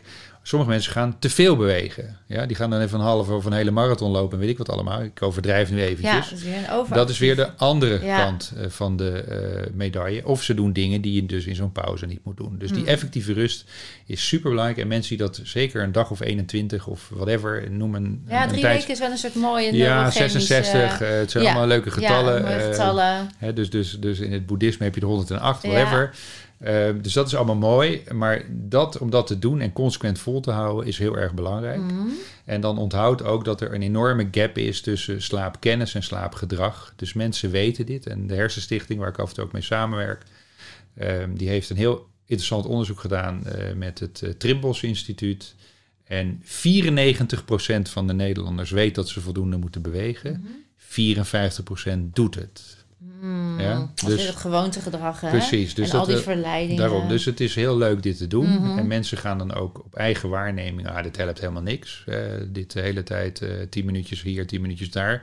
Het helpt wel degelijk. Het is ook gewoon... Het is een langere, langere adem. Precies, het is... Ja, dat zeg ik ook die- vaak. die- Geef het nou even de tijd. Dat is enorm belangrijk. Dus dat is misschien ook wel tip 2 van hè, ga ervoor. En niet probeer op één been te staan, maar ga gewoon op één Juist, been staan. En doe het gewoon. Ja, En maak het een gewoonte. Ja, maar ik kan het op mijn werk niet. En ik heb er geen tijd voor. En ik heb geen invloed op mijn of eigen ga je agenda. maar tien minuten op de wc zitten Whatever. staren. Of, eh, Dan of je zeg gaat je, in de auto even naar het zitten. toilet of weet ik het. Daarom. Dus Bovendien vind ik dat, dat tien minuten wandelen in de natuur... dan heb je toch twee vliegen in één klap. Ja, klopt. Dan heb je en de beweging Ja. en je hebt... ja, eh, drie zelfs. Want je hebt ook nog het buitenlicht. En buitenlicht. Ja. Dus dat is ook nog een hele goede. Maar die effectieve rust is super, super eh, belangrijk om mee te starten. En het is echt niet moeilijk. Maar ik weet niet of je het boek van Van Olsen kent, The Slide Edge. Hè? Dat is een van mijn favorite books. Oh, die gaan we dan maar eens Ehm, even aanschaffen. Ja, maar ik zal jou de kern van het verhaal, hij noemt het ook wel het ripple effect en de, of het slide edge effect. Ehm, heel veel dingen die wij en jij mensen aanreiken zijn niet moeilijk. Nee. Je hoeft er niet voor astronaut te zijn, Nee. je hoeft geen ingenieur te zijn, je hoeft geen whatever. Geen eh, hogere wiskunde. Whatever. Dus het is makkelijk om te doen. Als ik zeg tegen jou, Phil, je moet niet meer snoezen s'morgens, want dat is niet Ja. zo handig. Is dat moeilijk om hè, te doen, effectief als daad? Nee, dat is niet moeilijk. Nee, Maar de uitdaging zit dat het net zo makkelijk is om het niet te doen. ja, Ja? En dat Ja. is de slide edge. ja, Dus systemen in te richten dat je uiteindelijk wel je bed uitgaat. Nou, zo heb je bijvoorbeeld wekkers die van je nachtkastje afrijden. ja, dat weet ik. En dan Die gaan je- door je kamer heen en dan moet je dan eruit om hem uit Ja, te dus je kunnen hebt dan zetten. ook, ja, dan heb je beweging, je bent eruit. Hopelijk irriteer je je er niet aan, maar het is een leuk cadeau Ja, voor je verjaardag. je lose, hè, zeggen je ze. Want dan is het in de hersenen en dan gaat het niet... eh, Nee, je, je, je zet eigenlijk steeds weer je hersenen op het verkeerde been. Ja. Hè? Dus, eh, en uiteindelijk, je hersenen zijn... effectiviteit en qua concentratie Precies. en focus neemt dan af. Ik heb ooit een masterclass over Ja. gevolgd, dus ik Ja. herken deze. Ja. Dus, Oh, je, de- dus je hersenen zijn verzot op regelmaat en je moet dan niet elke keer je, je, je hersenen op het verkeerde been zetten als zodanig. Oké, dus we hebben één, 10 minuten effectieve rust. Ja. Twee, niet snoezen. Ja, niet snoezen kun je eraan toevoegen, maar eigenlijk is twee voor mij gewoon die gap te sluiten tussen Ja. gedrag en kennis. Want weet je, ik kan nogmaals hier, en we hebben het over die hoofdschakelen, kan je nog tien tips geven, maar als jij niet aan die basis gaat werken, dan hou je dat twee, drie weken vol en dan is het gewoon weer in het water Ja. gevallen. Ja. Weet je, en Nou, daarom is, eh, ben ik natuurlijk de reset ooit eh, gaan, Ja. gaan doen. Omdat Mhm. ik dat ook ervaarde. Weet je, je kan honderd tips over leefstijl en gezond eten. En klopt. alleen als je niet je programma. Reset, Ja. dan is het een, een veel grotere uitdaging. en dat, klopt. dat was ook in ons voorgesprek zo leuk Klopt. dat jij zei van ja, dat is ook inderdaad wat Ja. ik ook.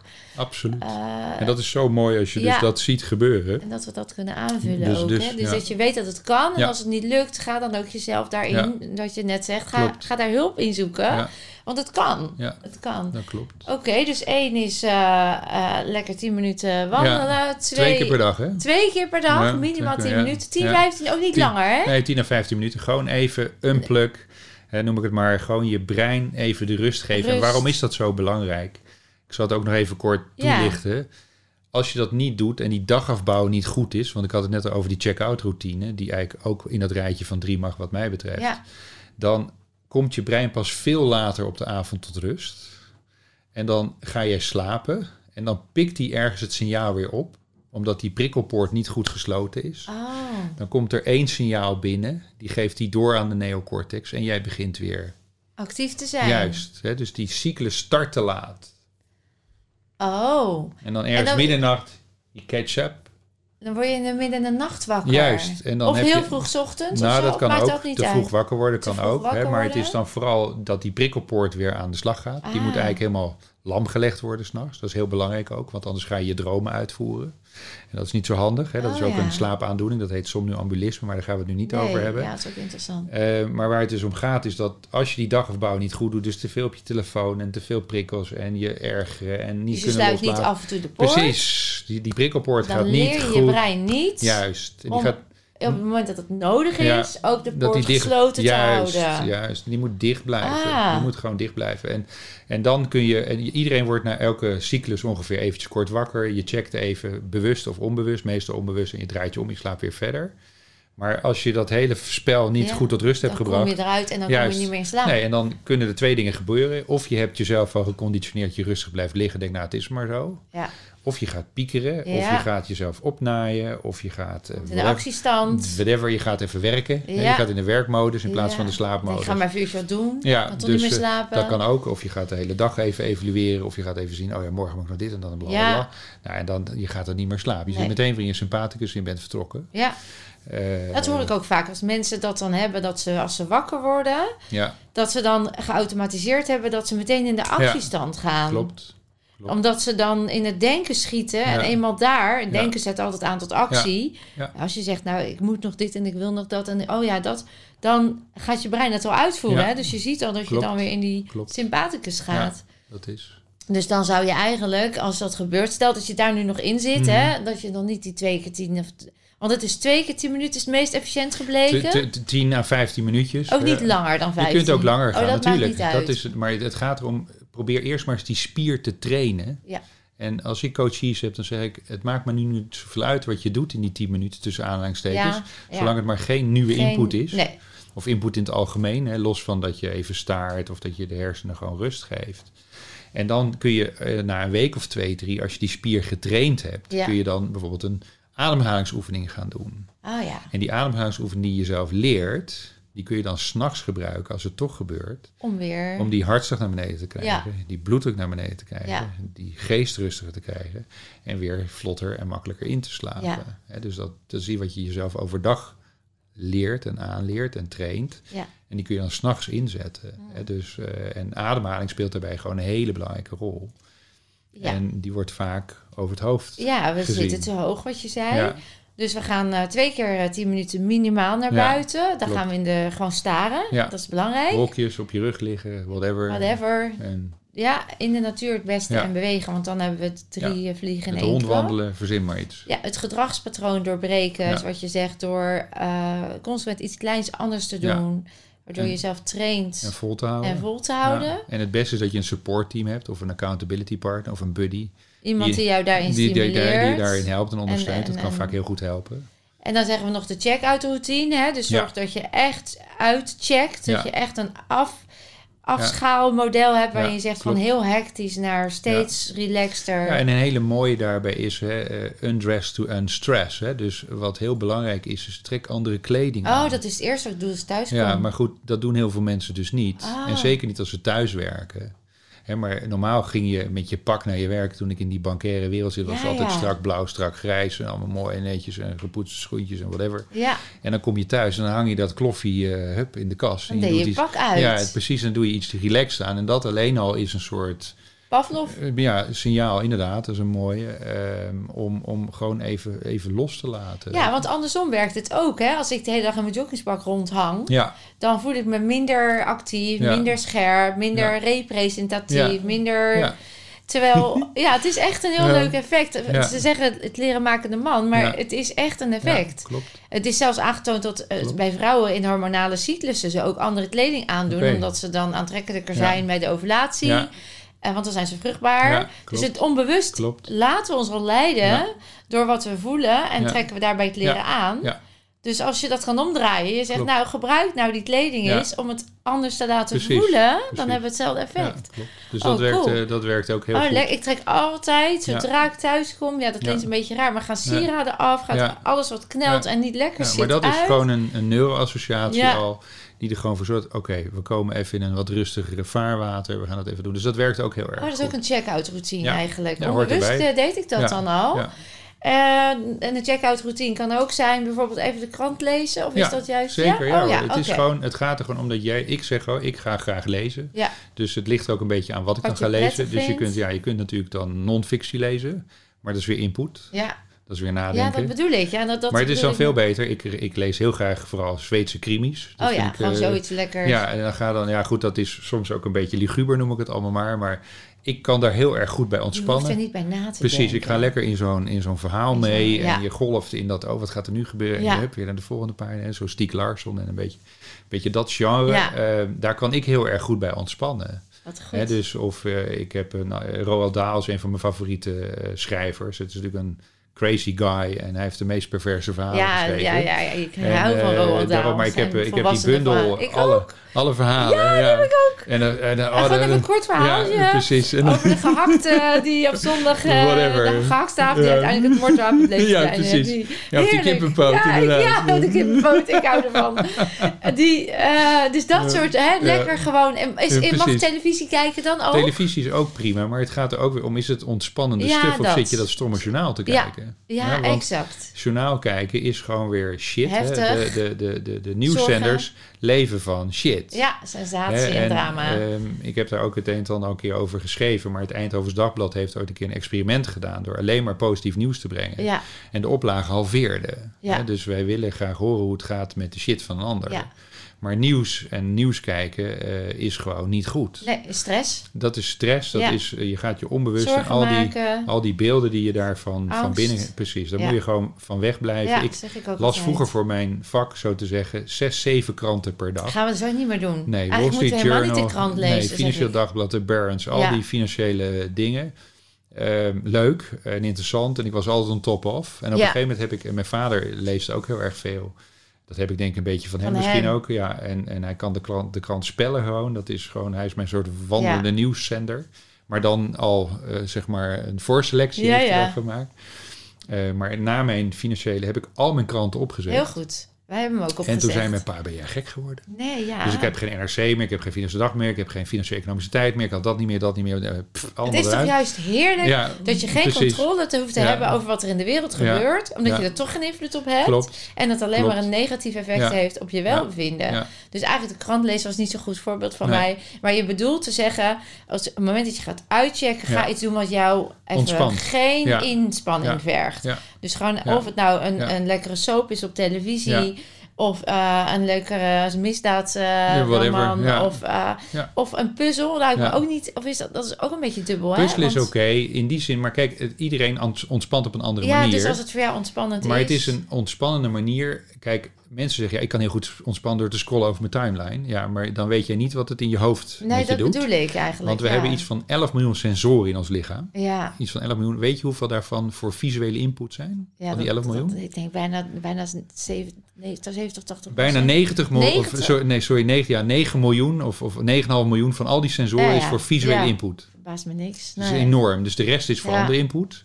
Dus dat wil zeggen, alles wat visueel binnenkomt, Is is mega. Wauw. Ja, is echt mega. En, en ehm, dus, Slapen blinde mensen beter? nou, dat is nee. Of is dat, niet een conclusie die Nee, je dan dat, zo... is een, eh, dat is heel kort door de bocht. Het is ook een beetje de vraag, word je blind geboren? Of word je blind door omstandigheden? Ja. Ik heb een aantal mensen die mij al een hele tijd volgen die blind zijn. Maar het probleem is natuurlijk, daglicht speelt een enorme belangrijke rol bij de aanmaak van hormonen. Ja. En de belangrijkste daarbij is serotonine, Ja. ons gelukshormoon. Ja. En op het moment dat je dus minder daglicht binnenkrijgt, wordt natuurlijk minder serotonine aangemaakt. En serotonine is het voorbereidend hormoon van melatonine. Melatonine Mm. is ons, zo te zeggen, niet ons slaaphormoon, maar wel het hormoon dat de slaap uitlokt. En mensen die blind zijn, die hebben dus vaak een uitdaging met de productie van een aantal hormonen. Mhm. En daardoor slapen ze meestal minder goed. Ja, Oké, dus dat is dan weer een, een bijkomstigheid. Juist. Die, want je zou zeggen, die hebben minder visuele prikkels, maar die hebben weer op een andere manier een tekort. Uitdaging. Maar En goed, die- je kunt dan met melatonine en als hormoon wel het een en het ander doen, maar echt alleen maar op doktersvoorschrift. Ja, Ik roep hier dus helemaal niet, want je hebt inmiddels al in de drogisterijen melatonine met tutti frutti smaak. En het wordt gewoon aan kinderen gegeven Oh, ja. terwijl je gewoon hormoon ligt te slikken. Nou, Ja. Ik vind dat een van de allerslechtste slecht. Ja. dingen die er is. En dat dat een soort ja, gewoonte is. Ik vind dat die gewoon uit de rekken moeten. Voor mij mag daar echt een, een paal en perk aan gesteld worden. Nou, er zijn wel meer dingen die uit de rekken moeten. absoluut, Hè? absoluut. Dus daar ben ik met je eens. Dus dat is, dat is wel een, een, een, een belangrijk eh, ding. Maar eh, bij blinde mensen is het zo dat die toch wel echt ook een uitdaging kunnen hebben Dat met, ik, met, jij eh, met slaap. zegt. Ja, absoluut. Dan nog even tot slot, want ik wil nog een, een heel leuke rubriek met jou doen. Want we kunnen volgens mij nog uren praten. We hebben al drie Ja. mooie tips. Ja. Ik kan me voorstellen dat mensen denken, ja, maar ik wil eigenlijk nog wel meer tips. Want in mijn specifieke geval, nou, dan zeg je sowieso je boek Super Slapen is dan een mooie tip. Want Ja. daar zit heel veel in. Absoluut. Slaapadvies kunnen ze halen, begrijp ik. Klopt. Ik zat nog heel even te, eh, te denken, als je nou, eh, we hebben nou drie mooie dingen, maar ook voeding en, en beweging, Ja. hè? doe dat Ja, ook. en darmgezondheid. hè? En darmgezondheid, nou ja, dat begint ook met een stuk voeding klopt. en rust en, Klopt. en ontspanning. Klopt, Dus mediteren, doe dat vooral Ja. ook wel. Ja, Ehm, absoluut. ga- eh, ik heb zelf de slaap eh, binaural beats, hè, die Ja, echt de frequentie klopt. van je hersenen al Klopt. eh, Klopt. aanzetten. Op Nou, een ander niveau ik brengen. weet niet of je hem toevallig al geluisterd hebt, die van mij. Die van jou- ik heb van jou een paar hele leuke podcasts geluisterd. Oké. Vooral eentje van Paul Smit ja, over non-dualiteit. Die Ja. vond ik erg interessant. ja, die is leuk. En, ehm, eh, maar ik heb nog niet eh, specifiek naar je Nou, ik zou je echt eens eens willen vragen om mij doen. te laten weten Ja. hoe jij hem hebt ervaren. Ja. Omdat ik hoor van mensen die die gebruiken, zeggen ik val zo in zo'n diepe slaap. Dat ze echt, het, echt anders wakker worden. ik geloof dat meteen hoor. En dat is zo belangrijk, hè? Ik hoorde ook bij jou ehm, dat het toch wel fijn is als je minimaal acht uur slaapt. Ja, Terwijl ik ook weet dat als je slaapkwaliteit goed is, Ja. dat dan die uren weer... Ja. Nou, Nog even als ik laatste over de eh, uren? Nee, die, in die zin, ik denk niet dat ik gezegd heb dat het minimaal acht uur moet zijn. Oké, dat is dan meer, heb ik dat eh, zelf geïnterpreteerd Daarom, nee, maar het is meer Matthew Walker die dat roept. Ik vind dat Oh, ja. eh, relatief ongenuanceerd. Ik want ook, want da- daar wilde ik eigenlijk... Ja, Dus, oh, dus, gelukkig. ehm, Nou, eh, het is geval zo, er, zijn, er is veel wetenschappelijk bewijs wat echt te weinig slapen is. Noem eens Eh, iets. Zes uur of minder. is, is te weinig. Ja, een schemerzone is eh, zes tot zeven uur. Dat is in feite ook al te weinig. En niet zozeer dat ik dat bepaal. En het is deels heel individueel. Dus Ja, dat moeten dat we even eh, aan, aan, aan, aan, aan koppelen. Maar waarom is dat? Als je gewoon te weinig slaapt. En ik geef één voorbeeld, maar ik kan er zo een heleboel noemen. Mhm. Dan maak je 70% minder natural killer cells aan. Ah, Nou, natural killer cells heb je Mhm. nodig om bijvoorbeeld eh, ter preventie van kanker. Wat is het belangrijkste hormoon ter preventie van kanker? dat is een goeie. Melatonine. Oh, Ja, en ja, wanneer, eigenlijk wel wordt, kunnen bedenken. en waar, wanneer wordt melatonine aangemaakt? Dat is vooral het eerste deel van de nacht. En op het moment dat jij dus te weinig slaapt, maak je ten eerste minder natural killer cells aan. Maak je minder melatonine aan. Dus in feite op lange termijn, we hebben het weer over lange termijn, dus ook niet panikeren hier. Maak je minder van die stoffen aan en leg je eigenlijk al een bommetje onder jouw gezondheid op het moment dat je een jaar of 60, 65 of 70 bent. Ehm, en er is ook heel veel bewijs tussen mensen die categorisch te weinig slapen en sneller, eh, zeg maar, eh kwaadaardige cellen ontwikkelen. Dus Oh. dat is in ieder geval één. Dus 7 tot 9 is ongeveer de bandbreedte. Hè, wat iemand zou moeten slapen, tussen aanstekens. En moeten doe ik even zo. Ja, ik snap hem. Want ehm, het gaat niet alleen om de tijd. En daar wordt vaak veel te veel de focus op gelegd. Het gaat vooral om de kwaliteit. Want sommige mensen die slapen 8 uur slordig. Mm. En worden 's morgens moe en gebroken wakker. Mm. En sommige mensen slapen 6 uur en die zijn zo fit als een hoen. En die kunnen gewoon de hele wereld aan. Mhm. Dus je kunt je dan zelf afvragen, wat heb je liever? Hè, dus kwalitatief 6 uur. Mhm. Of slordig 8 en uiteindelijk je door de dag sleuren. Mhm. Dus ik vind daar moet je heel erg genuanceerd naar kijken. Kijken we naar topsport, weer even Usain. Bolt, eh, Roger Federer, Venus Williams, Lindsey Vonn, Tom Brady, noem al die gasten maar op. Hoeveel uur slapen die, denk jij? Ik dacht dat hij wel tussen de 12 en 14 uur slapen. Ja, dat is, dat is weer, he- dat, dat is er maar één die dat doet, dat is Roger Federer. Die Oké, die ja, slaapt- dat heb ik namelijk ooit ja, gelezen. Die, slaapt, die slapen 11 à 12 uur, maar de Usain Bolt, de Venus Williams al die topsporters, ook, eh, hoe heet die hier, die Nederlandse Kraai, eh, Krajicek, Mhm. die slapen allemaal 9 à 10 uur. Toch maar, wel 9 à 10 uur, ja. Maar we moeten een onderscheid maken. Die zijn fysiek enorm actief. ja, Hè, dus ik, beg- die- die hebben- ik- ja. ik begeleid nu een paar dansers eh, van de Artes Hogeschool die een zelf-experiment starten. Dus ik vind het leuk om studenten onderdelen soms ook te ondersteunen. En die doen experimenten door minder te slapen. Hoe gaat de dans dan? Meer te slapen. Hoe gaat het dansen dan? En die komen er nu al achter als ze meer slapen. Dat ze productiever worden, hun passen beter kunnen doen, hun hele. En als je ook naar muziek kijkt, hè, dus violisten en pianisten en dat soort dingen al meer, die studeren een stuk in. Hè, bijvoorbeeld, Dat, dat eh, vergt energie. enorm. Maar wat er ook gebeurt, is dat ze dus overdag een bepaalde muziekcombinatie niet kunnen. Ja, ja. S'nachts gaan ze slapen. Herstellen. De hersenen vullen dat in en de dag erop kunnen ze perfect. Door de slaap. Door de slaap. Dus de, de slaap vult dat onderbrekende stuk in. Hè, dus als je het boek van Erickson leest hè, over piek, Mhm. ik weet niet of je dat kent. Mhm. Ik vind dat een briljant boek. Ja, Eh, vooral voor alle voorbeelden die erin staan. En dan kun je dat ook lezen. Daar is een pianist die dus eh, spreekt met die, een van die twee auteurs van het boek. En zegt, het lukt mij niet om overdag, als ik aan het oefenen ben, om die ene passage perfect te spelen. ja, want dan ga ik tegen een kramp in Ja, zitten. En whatever. En de dag Ja. erop kan ik hem perfect. ja, vaak moet je dan even, dat zeg ik ook Ja. wel eens, er een nachtje over. Die komt natuurlijk ergens En vandaan. dat is een heel proces wat zich dan s'nachts afspeelt. En als je je lichaam dus niet de tijd geeft om dat te doen, want onze hersenen worden s'nachts tot 40% kleiner. De hersenvloeistof neemt enorm toe. Dus slaap is niet alleen herstel, het is ook ontgiften. Hè? Ja, Het is letterlijk. een enorm groot ontgiftingsproces. En als dat proces te weinig tijd krijgt, dan heb je bijvoorbeeld in de hersenen een heel belangrijk eiwit dat heet beta-amyloïd. Dat wordt niet verwijderd. En daar liggen de linken met eh, eh, Parkinson en Alzheimer Ja, dat geloof ik. Ja. op de lange termijn. Ja. Dus, dus, dus die 7 à 9, dat is het, het minimum ongeveer. Daarin moet je voor jezelf het optimum zoeken. En het gaat dan vooral om die kwaliteit. En waar zit die kwaliteit? The night mirrors the day. Ja. En dat zijn die twee momentjes, pauze, die check-out routine, die hypothalamus naar beneden krijgen. Nou, dan geef ik nog één casus Ja. eh, eh, van iemand die heel dicht bij mij staat. Ja. Eh, die is overdag de hele dag alleen maar actief. Ja. Die kan daar ook geen rust in hebben voordat het af is. Ja, Alleen de check-out routine is dan naar huis. Nog koken en, en dat nog even afmaken. Op de bank Eh, liggen. En binnen twee uur gaat het eh, letterlijk uit. Dus rond half negen. En dan eh, even eh, op de bank in slaap vallen al. Anderhalf uur later, eh, ja, ik ga nu naar, naar boven, naar bed. Hè, en dan naar bed. Ja. En dan wel al heel lang gewoon goed slapen. Maar 's ochtends wel weer om zes uur, half zeven. Of Ja, misschien zes uur. In, weer in die. Actieve stand. Is, Maar- maar wel, wel tien uur slaap. Hè? Want het gaat zeven uur aan, s ochtends. En dat gaat om half negen uit. Ja. Maar het klinkt niet heel gezond. Omdat... Nou, eh, jouw lichaam legt je gewoon in een soort comatueuze toestand. Omdat je jezelf zo uitput overdag. Of die persoon waar je het nu eh, specifiek over hebt. Dat A, eh, je al voor de bank in slaap gelegd wordt. En ik zou, als je zo iemand in een slaaplab zou neerleggen. En Mhm. ik zou dan heel graag eens de verhouding zien tussen deep sleep. En Ja. in dit geval lichte en remslaap. mhm. Want stel je haalt een nachtje door.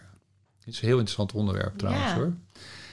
Ehm, dan is het zo of je hebt een enorme eh, grote inspanning geleverd. Dus in de zin van eh, je hebt een Champions League eh, en laat ik zeggen dat dat dan de finale was. En die win je of je wint hem niet, whatever. Mhm. Dus hè, dat de spanning hoog is en dat de verwachtingen hoog zijn en dat je moet performen en Ja. whatever. Constant aan. Precies, dus echt eh, op heel hoog niveau. Peak, peak ben je- state, ben- precies, ja. in peak state ben je voortdurend. Mhm. Als ik jou nu vraag, stel dat jij hebt een nacht doorgehaald, je had een gezellig feestje of ik moest een project eh, afronden, of je hebt studenten die tegenwoordig s'nachts aan het studeren bent, Mhm. waar ik gewoon echt de logica niet van inzie. Mhm. Hoeveel tijd denk jij dat je lichaam nodig heeft om van een nacht doorhalen weer te herstellen? Nou, ik had het idee dat ik dat vroeger beter kon dan nu. Ja, Eh, en ik denk dat mijn herstel, als het al überhaupt herstelt, eh, dan denk ik dat dat wel twee, ik denk wel twee keer zo lang nodig heeft. ja, maar het is bijna vier dagen. Wauw, vier keer zo lang dus. Ja. En dat wil zeggen ook dat, ehm, en dat is het bijzondere aan het menselijk lichaam. En dat is iets uit de evolutie, althans we weten nog niet precies waarom het eh, zo werkt. Maar wij hebben geen invloed op hoeveel diep en rem en lichte slaap we krijgen. Nee. Dus dat zijn zeg maar even grosso modo de belangrijkste slaapfases. Dus het lichaam stuurt dat zelf. En als we dus de eerste nacht na een nacht doorhalen in een slaaplab gaan analyseren, wat denk je dan waar het lichaam de voorrang aan gegeven? Aan diepslaap, remslaap of lichtslaap? Ik denk rem, Het is diepslaap. toch diep? Ja, en diepslaap is fysiek herstel. Mm. We denken dat dat is omdat ons lichaam voedsel moet kunnen Maar zoeken. ja, daarom je natuurlijk en de te diepslaap. overluiden. Dus, en dan wordt Ja, ja. eh, mentaal herstel wordt gewoon op de, op de achtergrond geduwd. Dus de eerste nacht na een nachtje doorhalen heb je bijna alleen maar diep slaap. En dit kan me namelijk voorstellen dat je dan juist, omdat je al zo actief bent geweest, dan niet zo makkelijk in die diepslaap kwam. Dus daarom dacht ik, dan blijf Nou, je ik, misschien ik, een beetje ik, hangen ik op die denk rem. dat deze persoon, daarom zeg ik ook, je zou het moeten testen. Ja, je zou Want ik weet het niet, maar ik vermoed dat die persoon meer dan gemiddeld meer diepslaap heeft. Om dat herstel te laten moet herstellen. Precies. Hè, dus als je altijd tot de edge gaat, als je altijd tot het randje gaat en elke keer zeg maar op, op, op, ja, op, het, op het randje loopt. Op aanstaat. Precies, dan die chronische eh, manier van je dingen doen, dat leidt uiteindelijk tot al die vervelende ziektes, aandoeningen en noem het Ja. allemaal op. Nou, slaap kan dan een stuk herstel eh, zijn. Dus die persoon heeft misschien het gevoel van, nou, ik heb super geslapen en dat soort dingen al meer. Dat kan. Ja, Maar ik zou het dan uiteindelijk willen weten. Maar ik weet niet wat het effect op lange termijn is. Ja. En misschien krijgt die persoon veel te weinig mentaal herstel. In dit geval remslaap. eh, of eh, lichte slaap als het ware, Want je hebt ze allemaal oh, nodig. je hebt ze alle fases En nodig. mensen Ja, die al voor de bank in mijn slaap vallen, dan gaan Ja. mijn oren al groot worden. Ja, Want dat is niet het moment dat jij, zeker niet zoals wij gestrikt zijn, Nee. hè, moet gebeuren.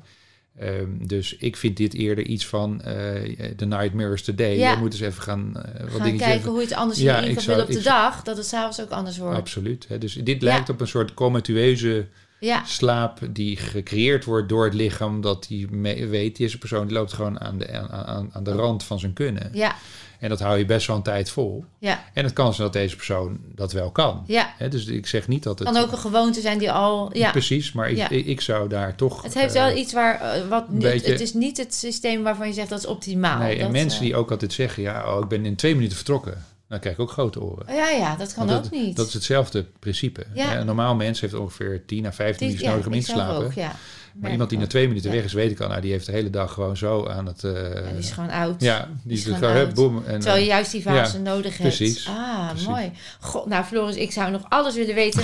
ik ga even nog heel kort een rubriekje. ja, doen we. Doen we, doen we, dat doen we, doen heet eh, veelzijdig. Dat betekent, ik geef je wat keuzes. Geen keuzestress, maar je moet wel zo snel mogelijk reageren. oké, oké, oké. En ehm, ja, en dan ben ik gewoon benieuwd. Volgens mij hebben we al een ehm, Mhm. paar dingen waarvan ik denk dat ik weet wat je gaat kiezen. Ja, Maar ratata, ratata, daar gaan we. Veelzijdig, de rubriek. ja. Acht uur oppervlakkig slapen of drie uur intense kwaliteit? Nou, dan ga ik voor de drie uur. Onbevangen of berekenend? Onbevangen. Smoothie of pure chocola? Pure chocola. Wetenschap of alternatief? Tjo, doe maar alternatief.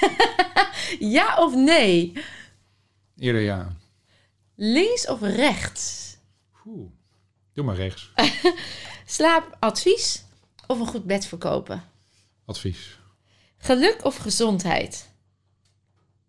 Gezondheid. In de winkel met mensen bezig zijn of voor een groep spreken? Het laatste, groepspreken. Ja. Coronavaccin of leefstijlvaccin? Leefstijlvaccin. Sowieso. Mooi. Ja, sowieso. Ja, Ja? ja. Ga je niet laten vaccineren? Nou, ik ben geen antivaxer, maar ik heb wel gewoon mijn bedenkingen erbij. Maar dat heeft denk ik iedereen. Ehm, ehm, ik heb het tot nu toe gelukkig niet aan de hand gehad. In mijn directe omgeving wel. Ehm, ik vind het een hele moeilijke. Wat ga jij doen? Ik doe het niet, Ja, omdat ik geloof in weerbaarheid. Ik geloof in immuniteit eh, opbouwen. Ik geloof in mezelfhelend vermogen. En ik geloof in energetische resonantie. En als ik mezelf hoog op de ladder hou door goed te slapen, goed te eten, Mhm. mezelf eh, te ontdekken waar Ja. ik nog eh, belemmeringen voel. ja, eh, nou, dan geloof ik dat ik meer kan dan ik denk. ja. En dat ik boven een bepaalde trilling uit kan blijven.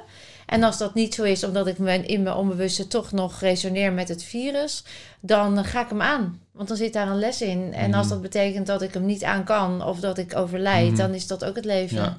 Ja. Dus ik geloof veel meer in de natuurlijke Ja. eh, manier van, eh, van het zijn en het. eh, omdat ik. En waarom zou je zeggen, ja, maar waarom zou je het risico nemen? Hè? Want dat is ook. Omdat nog niemand mij heeft kunnen overtuigen van het feit dat ik in een gezond lijf medicatie moet gaan stoppen. Als ik niet depressief ben, hoef ik ook geen antidepressiva. Ik pleit voor jezelf het vermogen voor alles in Ja. jezelf ha- uit Ja. jezelf halen. Eh, dus ik zie niet, geen noodzaak, ik zie geen nut.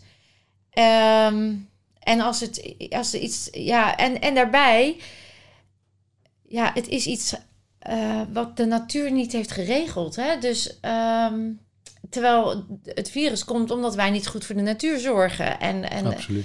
En ik denk dat daar veel, veel meer de kern. Ja. Ik zou ook een oproep willen doen Ja. aan mensen die zeggen van oké, we, we kijken nu heel erg wat de angst en, en wat het allemaal teweeg Ja. kan brengen. Maar er zijn ook eh, partners waarvan de een het wel heeft en de ander niet. Laten we nou gaan onderzoeken wat maakt waardoor die ander het niet krijgt. Want daar ligt volgens mij de oplossing. Absoluut. Veel meer dan waarom mensen het wel krijgen. Ja. En dat is ook fijn om te weten, maar leer mij nou wat hun strategie is. Want als ik weet hoe ik die lekkere appeltaart kan bakken, Ja. dan kan ik die voortaan maken. Ja. En nu doen we maar wat. En ik zie heel erg angstgerelateerde acties. Terwijl ik denk van, Ja. het is aan nog een experiment. Ja. Ik weet niet wat er in mijn lichaam Ja. komt. Wat het voor effect heeft op de lange termijn. Klopt. Ik wil kunnen vertrouwen op mezelf. Leer mij hoe ik dat zelf kan doen. Ja. Dus ik zit daar Nou, wel... het is een beetje de vis en de visser. Hè? Leer hem vissen of geef hem de vis. Ja, Dus dat is waar je. Maar het is helemaal waar wat ik vind. eh, dat je zegt vooral dat we veel zorgvuldiger met onze omgeving moeten omgaan. Ja, en dan veel. vooral de natuur. ja. En dat is ook iets waar ik mezelf al heel lang heel erg voor inzet. Ehm, ik weet niet of ik dat al eens een keer verteld heb of dat je het misschien een keertje gehoord hebt. Eh, maar dat is de Black Jaguar Foundation. Dat is het grootste herbossingproject ter wereld op dit moment in Brazilië. Dat is de Araguaia Corridor. Er zijn nog maar 600 zwarte panters. De rest is allemaal gewoon het hoekje om. Maar het hele ecosysteem staat daar gewoon ook op instorten. Ja. Waarom? Omdat we met z'n allen zo nodig eh, ja, dingen moeten eten die we eh, vinden dat we moeten eten. Ja. En Natuurlijk moeten we 7 miljard eh, monden eh, voeden. Ja. Maar de sojaprijzen zijn daardoor gewoon extreem hoog. Ja. Vooral door veel vraag vanuit China. Ja. Maar ook omdat het inmiddels hebben bedacht in veevoer verwerkt moet worden. Eh, nou ja, koeien zijn er helemaal niet op ingericht om soja te eten. Die kunnen het ook helemaal niet goed verwerken. Daardoor zit er bijvoorbeeld ook in dat biovlees, en dan heb ik het over de bio-industrie, hè, niet over biologisch, maar bio-industrie. Dat vind ik ook altijd lekker verwarrend. Eh, zit er veel minder tryptofaan in. Tryptofaan is een heel belangrijk Ja. essentieel aminozuur om Klopt. Eh, zeg maar goed eh, te kunnen slapen. Want het is eh, tryptofaan wat naar 5-HTP gaat. 5-HTP wordt serotonine, serotonine wordt melatonine. En melatonine wordt pinoline. Hè? Dus die hele Ja. keten in je lichaam moet dat doorlopen Ja. als zodanig. Ehm, en daarom zet ik me daar enorm Voor in. voor in. En dat dat ecosysteem ook weer gewoon... En als je weet dat bijvoorbeeld ehm, bijna een derde van het water wat wij... Dat komt uit dat gebied. Ja, hè? ja. Eh, een kwart van de zuurstof komt uit dat gebied. Ja. En naar modern Dus medicine, hè, moeten daar dus de, heel goed ja, dus de moderne medicatie die we met z'n allen slikken, dat komt allemaal, dat is allemaal plant-based. hè? Dat komt allemaal daar vandaan. hè. Dat is ook bijna iets van een kwart, als ik het eh, goed heb. En dan denk ik bij mezelf, hoe kan het zijn dat wij als mens, als sapiens, homo sapiens, ons eigen nest bevuilen? Ja, Hè, er is toch eigenlijk geen enkel wezen die dat doet. die dat doet? Ja. Hè, dus alleen wij hebben dus het idee dat we boven de wet staan. Ja, boven de en natuur. dat we geen onderdeel meer zijn van die nodig natuur. hebben. Kijk naar die bosbranden die we hebben gehad, die aangestoken zijn in Brazilië, maar ook in Australië. Eh, het is gewoon enorm. Bizar, hè? ja, het is, het, is, het is echt. En ik vind, eh, walk Maar- the talk. Ik ben het helemaal met je eens. En ik denk echt, Floris, want we kunnen, want, eh, eh, Ja. we kunnen nog echt uren praten Ja, samen, maar we gaan hem echt afronden. Ja, Dat we nog heel veel moois mogen doen in deze wereld. absoluut. En ik denk dat we elkaar daar heel erg mooi in aanvullen. En de mensen ge- geïnspireerd zijn. Dus ja, dank je wel Nou, voor je bedankt. mooie input en al je mooie verhalen en je tips. Lieve dames en mensen, ik hoop dat jullie net zo genoten hebben als ik. En je weet het, je kan meer dan je denkt.